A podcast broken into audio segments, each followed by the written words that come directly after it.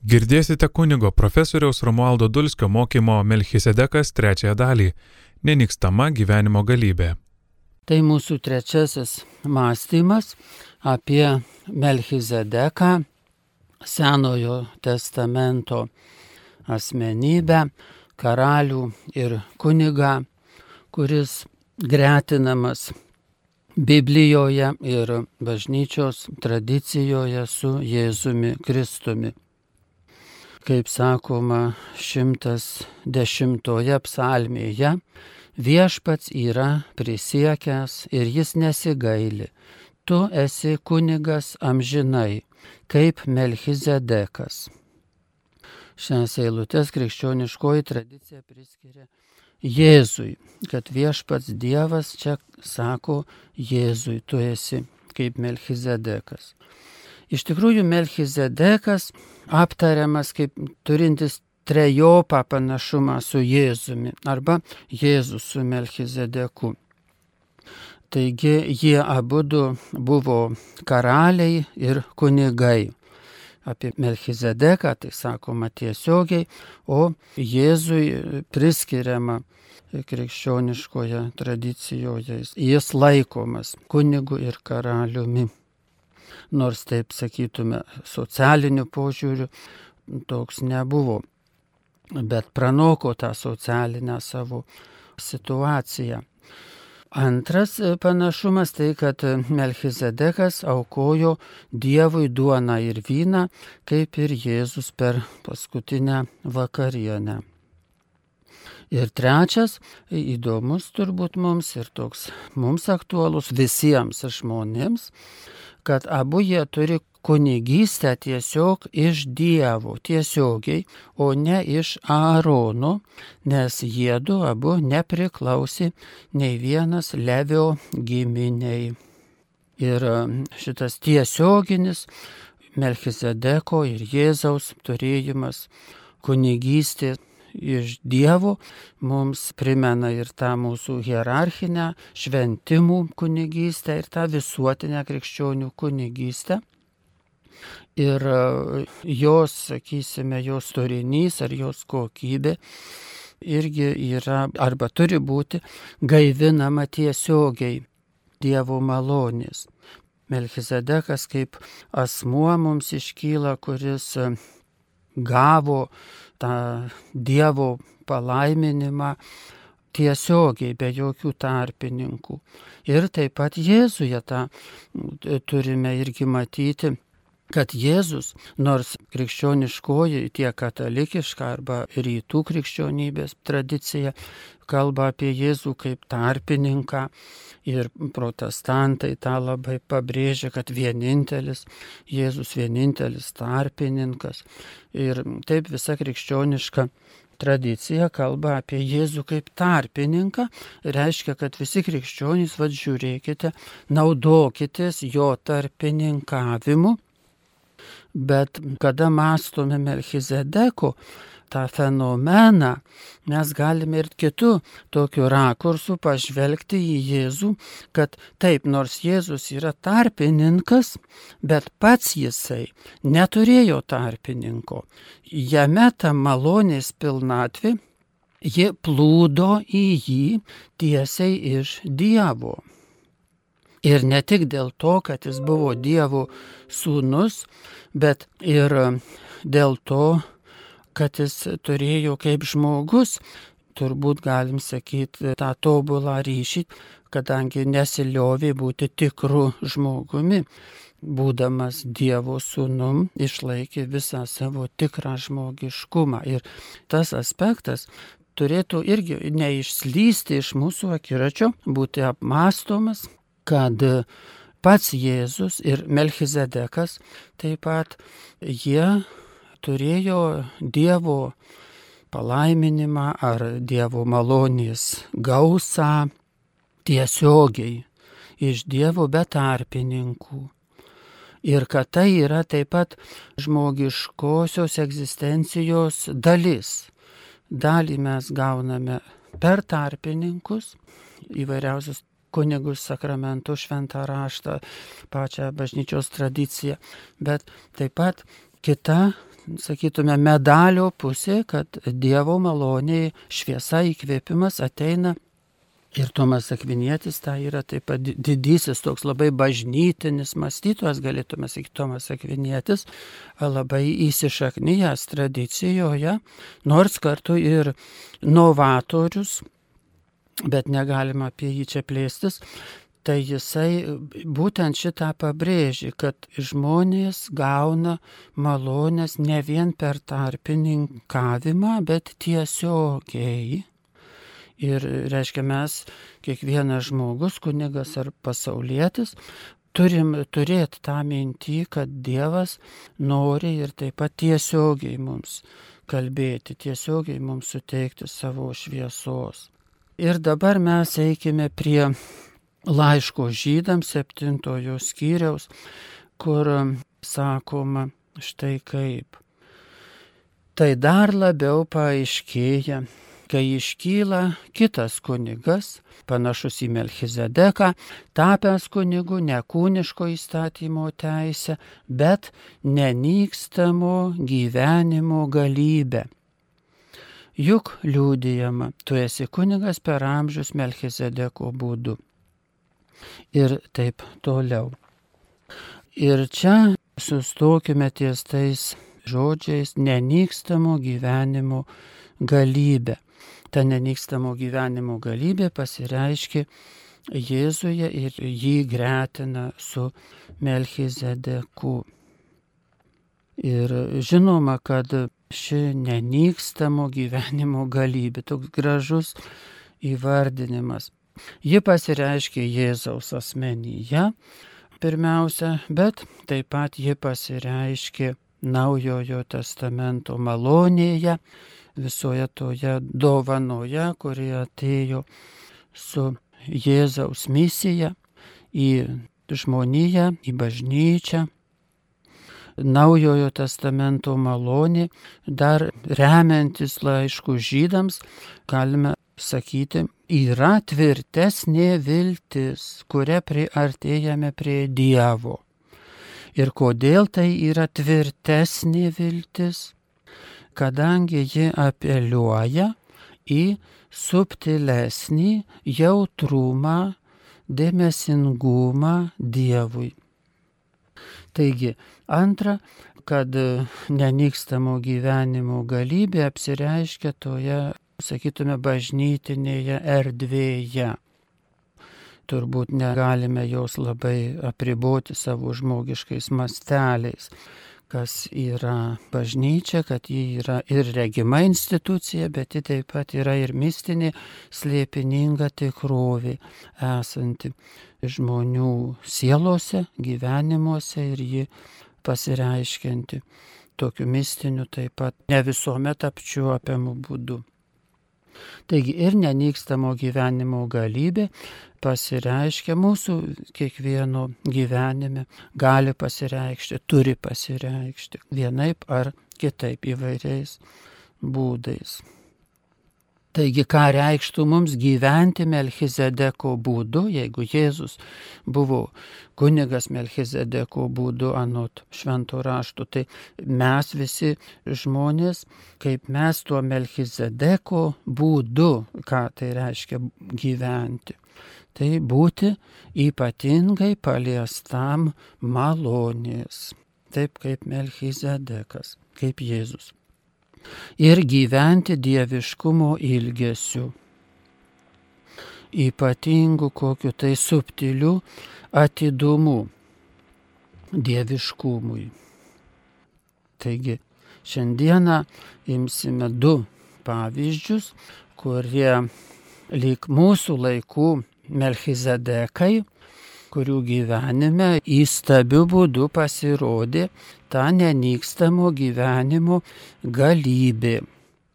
Tai pirmasis yra Martinas Liuteris Kingas, gyvenęs 1929-1968, pastorius, kovotojas prieš segregaciją ir Antrasis yra Mahatma Gandhi, gimęs 1869 ir miręs 1948, teisininkas, politikas, Indijos tautinio išsivadavimo judėjimo lyderis.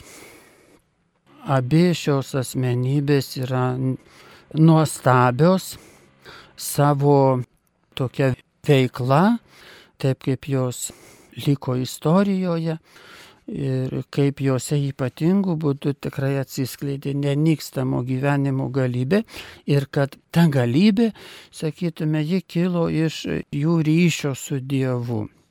Abiejų, nes jiems Dievas buvo tas centras ir vieno ir kito gyvenime, nors jie liko labiausiai žinomi dėl savo tokios išorinės, sakytume, socialinės arba beveik politinės veiklos. Ir mes dar atsiminti galėsime Mahatmos Gandhi draugą Rusnėje, Lietuvoje gimusi žydą architektą Hermaną Kalenbachą, kuris taip pat yra įdomi ir verta atsiminti ir truputį reflektuoti mums asmenybė. Martinas Liuteris Kingas, lyg mūsų laikų Melchizedekas, toks pilnas šventosios dvasios galybės įkvėpimo, kuris kovodamas už negrų teisės naudojo artimo meilės kovos taktiką. Jis buvo baptistų pastorius, teologijos mokslų daktaras ir vėliau apdovanotas Nobelio taikos premija. Nuo vaikystės Martinas Liuteris Kingas patyrė rasinę diskriminaciją ir būdamas pats juodaodis tuo metu Junktinėse valstijose buvo didžiulė perskyra tarp juodųjų ir baltųjų.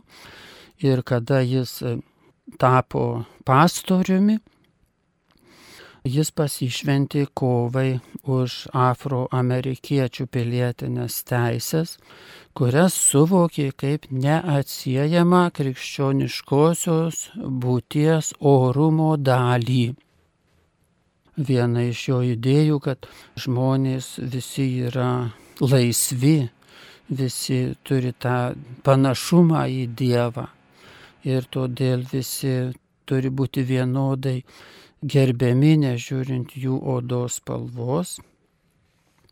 Ir įdomu, kad būdamas pastorius, kunigas, sakytume, išėjo į tokią socialinę veiklą, bet vadovaudamasis įkvėptas religinių idealų. E, žinoma, kai po jo peršoksiu prie jo gyvenimo pabaigos, kai jisai buvo nu, nužudytas dėl savo kovos, nušautas, tai tuo metu e, imta galvoti, kad galbūt jį kažkaip priskirti prie tokių šventų žmonių, nors jis buvo pastorius, reiškia protestantas, baptistas, Tai nebūdinga jiems ir nėra tradicijos kanonizuoti ir kažkaip tai apiforminti kaip šventąjį, bet e, taip tokia bendra mintis, kad tai galbūt toks idealus žmogus.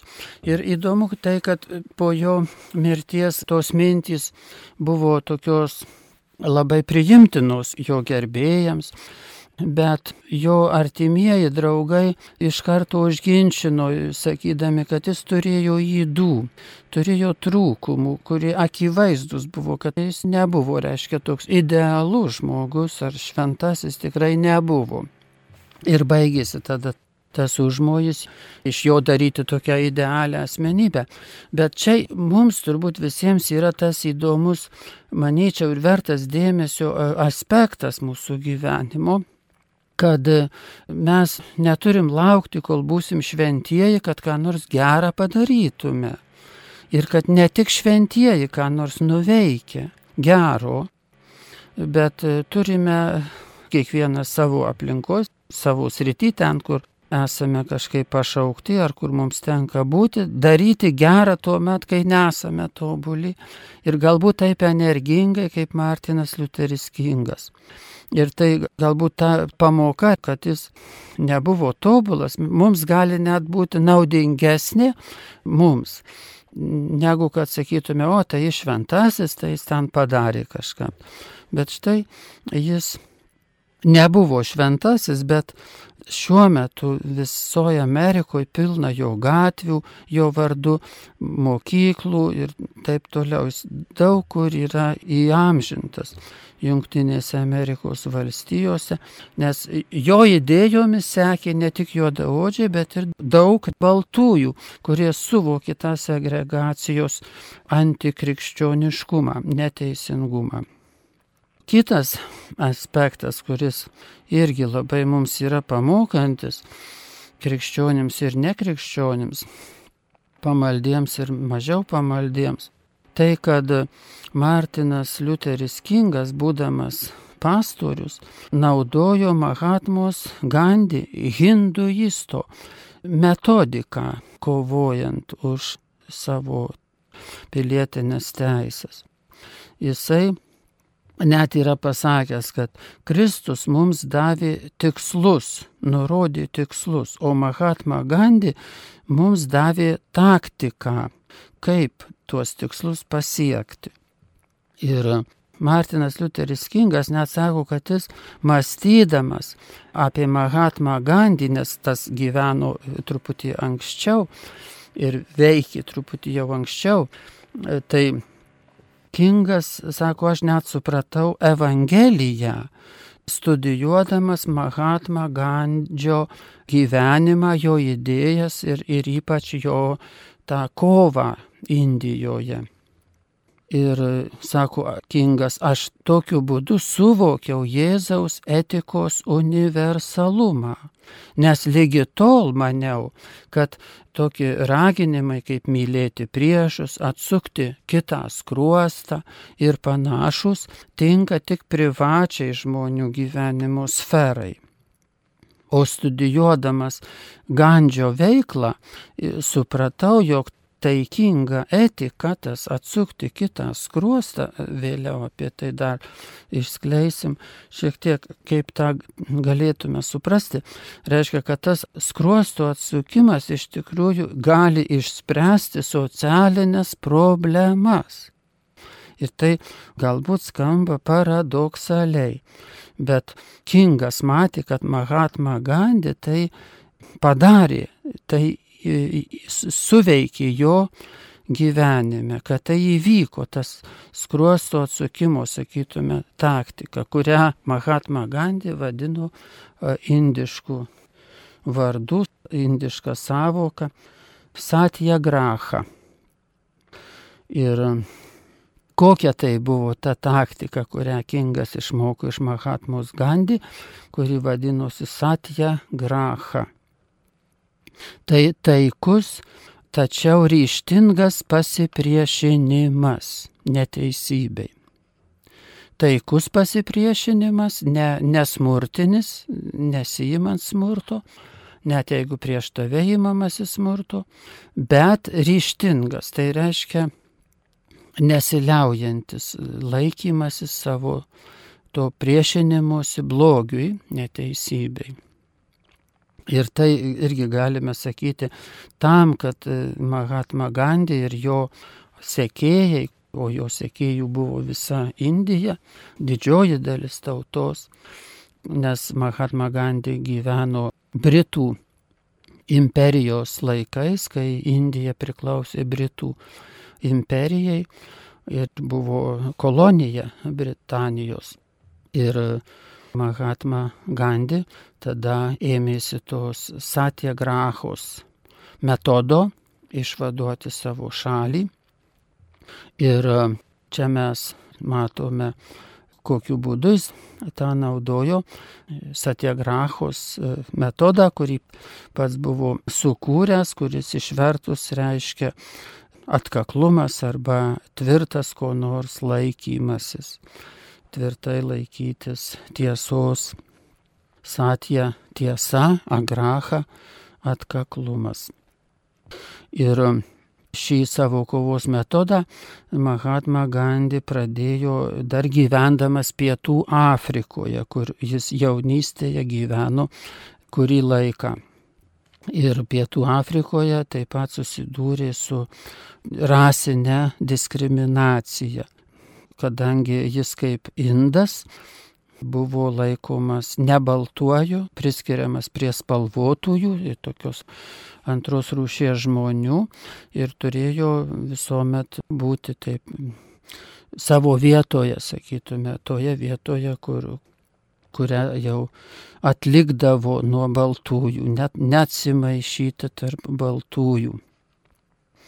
Ir tai buvo jo kovos pradžia už spalvotųjų ir juodaodžių teisės Pietų Afrikoje. Po to grįžęs į Indiją, jis tą savo veiklą jau išplėtojo, pamatė jos matyti tokį veiksmingumą. Ir čia galime, reiškia, Satya Graha sugretinti, kaip Martinas Liuteris Kingas, tai darė su kitos kruosto atsukimo etika pagal Jėzaus žodžius. Ir galime matyti tris tokius esminius šios etikos bruožus, kad gavus per skruostą, tai perkeltinė prasme, aišku, nebūtinai tiesiogiai, bet nukentėjus už savo teisingą poziciją, nesmokti atgal, tai nesijimti smurto nesijimti smurtauti, jeigu prieš tave ima valstybė smurtauti, ar jie abu susidūrė su tokia neteisinga valstybinė sistema vienas ir kitas ir tokia smurtaujančia valstybė. Bet e, atsukti kitą skruostą reiškia nesijimti smurto, bet toliau tęsti kovą. Ir antras toks aspektas tai būtų neišsigasti, nepabėgti, nepasitraukti. Nukentėjus tu išdrysti atsukti antrą skruostą. Dar kartą prašau mane pasodinoti į kalėjimą kingas, kiek ten kartų sėdėjau kalėjime, trumpus terminus tiesa, bet daug kartų. Ar iki dešimties kartų jis panašiai buvo įkalintas. Ir Mahatma Gandhi taip pat buvo kalinamas ne vieną kartą ir kitokių įvairių dalykų. Jie, jiems ir jų komandoms, jų pasiekėjams teko nukentėti. Tai, tai tas antros kruosto atsukimo toks antras aspektas reiškia neišsigasti, nepabėgti ir nepasitraukti. Trečias dalykas, kurį moko šitą etiką taikaus pasipriešinimo, tai stovėti, reiškia laikytis savo nuostatų, pasisakyti, argumentuoti, reikalauti. Kalbėti apie savo siekių teisėtumą, pagrįstumą ir nesiliauti jų reikalauti. Tai šitaip reiktų suprasti tą satya grahą, taikų, bet ryštingą pasipriešinimą.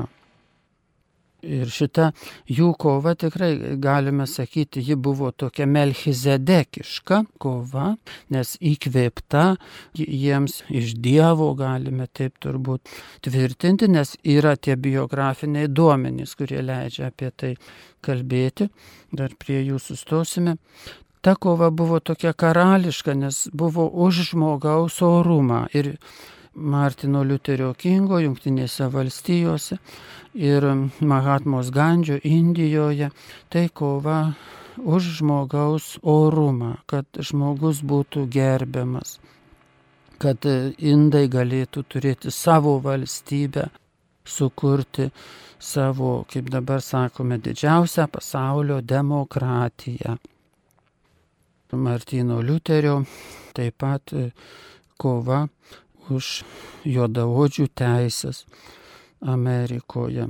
Tarsi karališkumas žmogaus pabrėžiamas, kad žmogus yra Dievo kūrinys.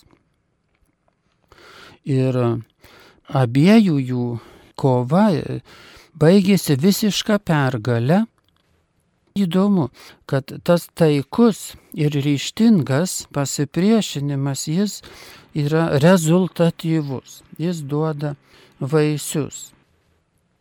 Ir šiandieną turbūt daug kur galime atpažinti tokius bruožus daugelio dalykų, daugelio tokių kovojimų, kurių gal epizodiniai kažkokie yra dalykai, kur žmonės, sakykim, ta teisinėmis, kaip sakome, priemonėmis kovoja, tai nesmurtu, ne, ne kuo nors, bet bandydami apginti savo teisės, įrodydami savo teisės.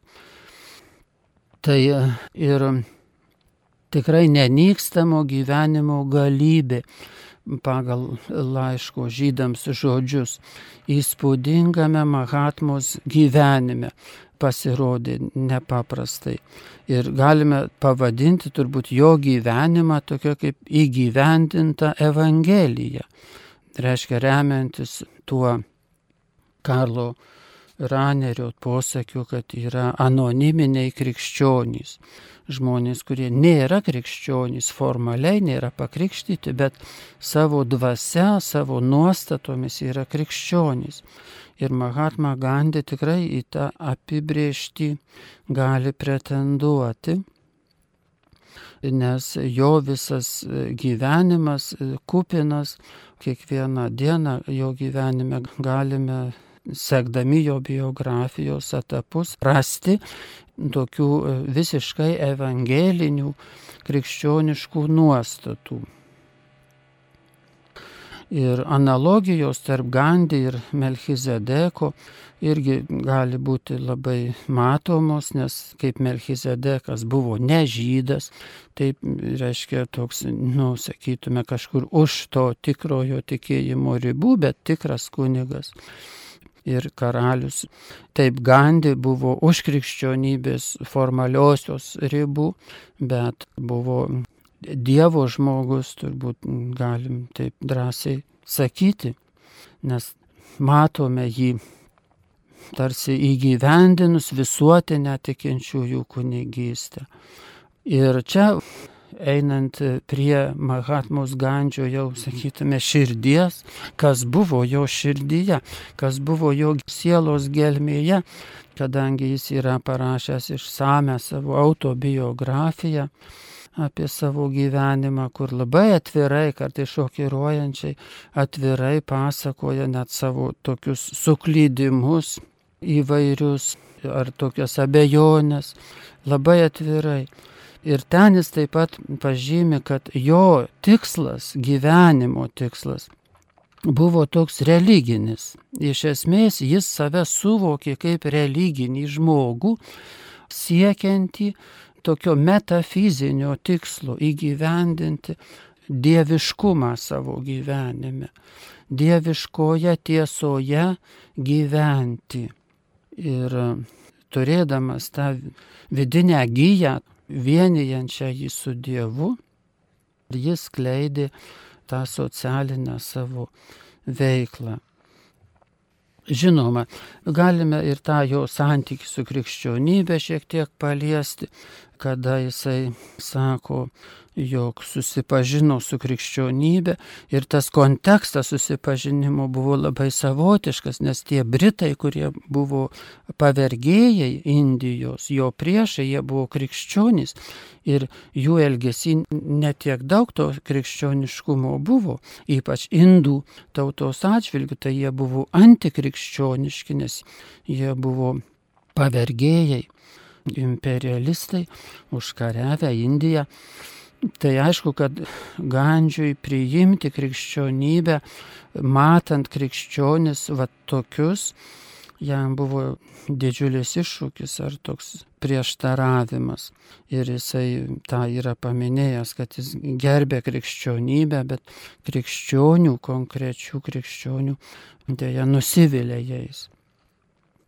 Bet kitas, kur labai galbūt toks vertas dėmesio dalykas, kaip šiandieną vertiname iš istorinės perspektyvos Mahatmos Gandžio laikyseną arba jo tokį tą jo hinduizmą, kuriame jis gimė ir liko ir mirė hinduistas būdamas.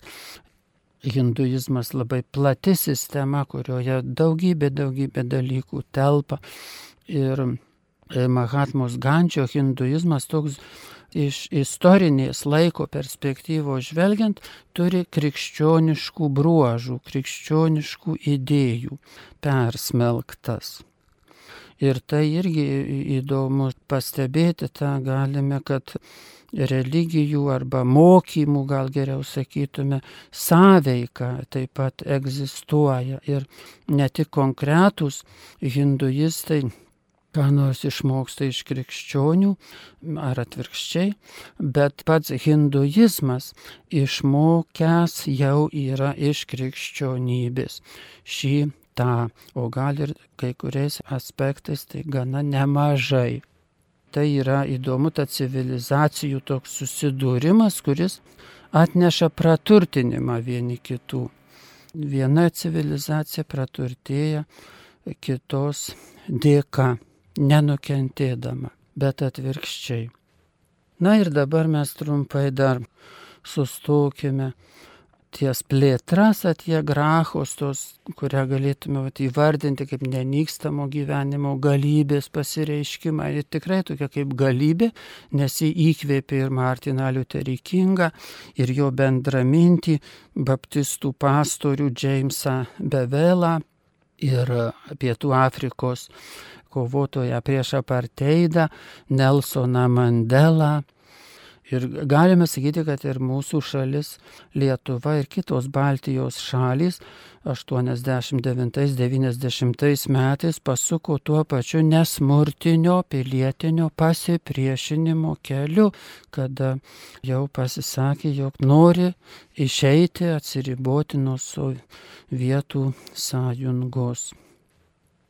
Šitos idėjos Mahatmos Gandžio plačiai paplito pasaulyje gražus yra Barako Obamos sakinys pasakytas kalbos Indijos parlamente metu. Gerai suprantu, sakė Obama, kad šiandien nestovėčiau prieš jūs kaip jungtinių valstijų prezidentas, jei negandi ir jo žinia pasklidusi Amerikoje ir visame pasaulyje. Citatos pabaiga. Tai e, nuo Mahatmos Gandžio per Martiną Liuterį Kingą atėjo tos baltųjų ir juodųjų lygybės idėjos ir jos tarsi apvainikuotos, kad Barackas Obama išrinktas ne baltasis Amerikos netgi prezidentų. O Rusnėje Lietuvoje, kur gimė Hermanas Kalenbachas, atidengtas jam ir Mahatmai Gandžiui paminklas, kadangi jie abu buvo draugai. Hermanas Kalenbachas buvo vienas svarbiausių Mahatmos Gandžio bendražygių. Jie susitiko Pietų Afrikoje 1904 metais. Ir Kalenbachas, galime sakyti, kaip koks tarsi Abraomas, Melchizedeko asmenyje atpažinęs aukščiausio Dievo kunigą, taip Kalenbachas Mahatmos Gandžio asmenyje atpažino autentišką tarnystę Dievui ir žmonėms.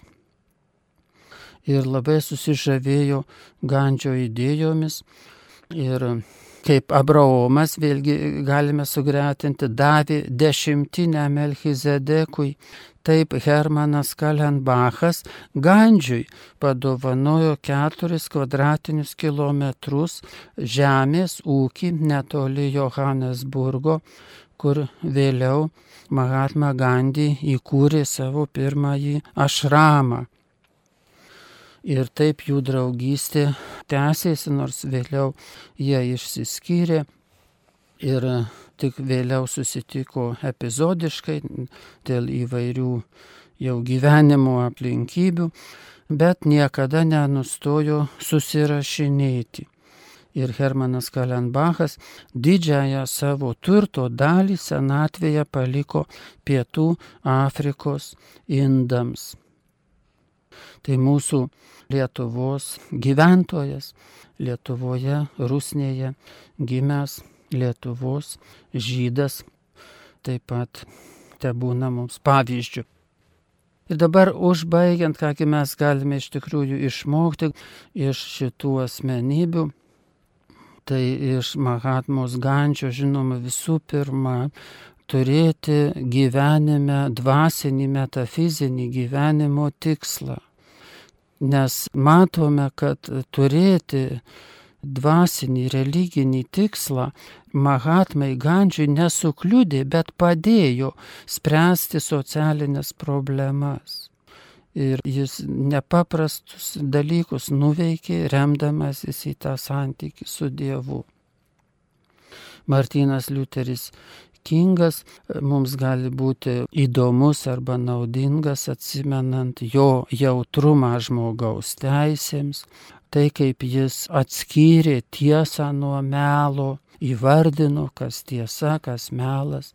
Taip pat dėl savo socialinio angažuotumo, kad mes savo krikščionybę neatribotume nuo socialinių užduočių. Ir žinoma, Martinas Liuteris Kingas parodė, kad galime mokytis net iš kitų žmonių, kurie atrodytų kaip čia pastorius, dabar galime mokytis iš Hinduso, Mahatmos Gandžio, bet jis ne tik, kad, sakysim, kažką ten išmoko dėl savęs, bet jis išmoko tiek, kad tą segregacijos kovą sėkmingai vykdė ir ją laimėjo. Tai mokytis iš kitų kartais yra didžiulės sėkmės garantas. Hermanas Kalenbachas įdomus gali būti mums tuo, kad jis atpažino ir pripažino Gandžio talentus.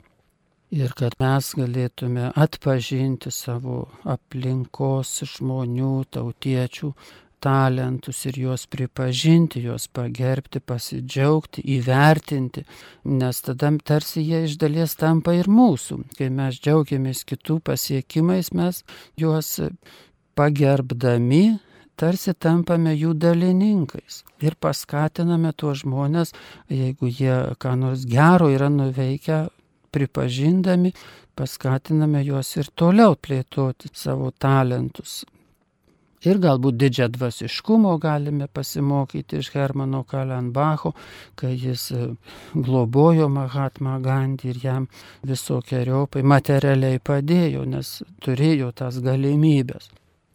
Taigi ir baigiant, Melchisedekas mums yra tiesiogiai iš Dievo mums teikiamų malonių ženklas nepaneigiant, kad per tarpininkus gauname malonės, bet neturime jų absoliutinti, kad tik taip per tarpininkus malonės ateina.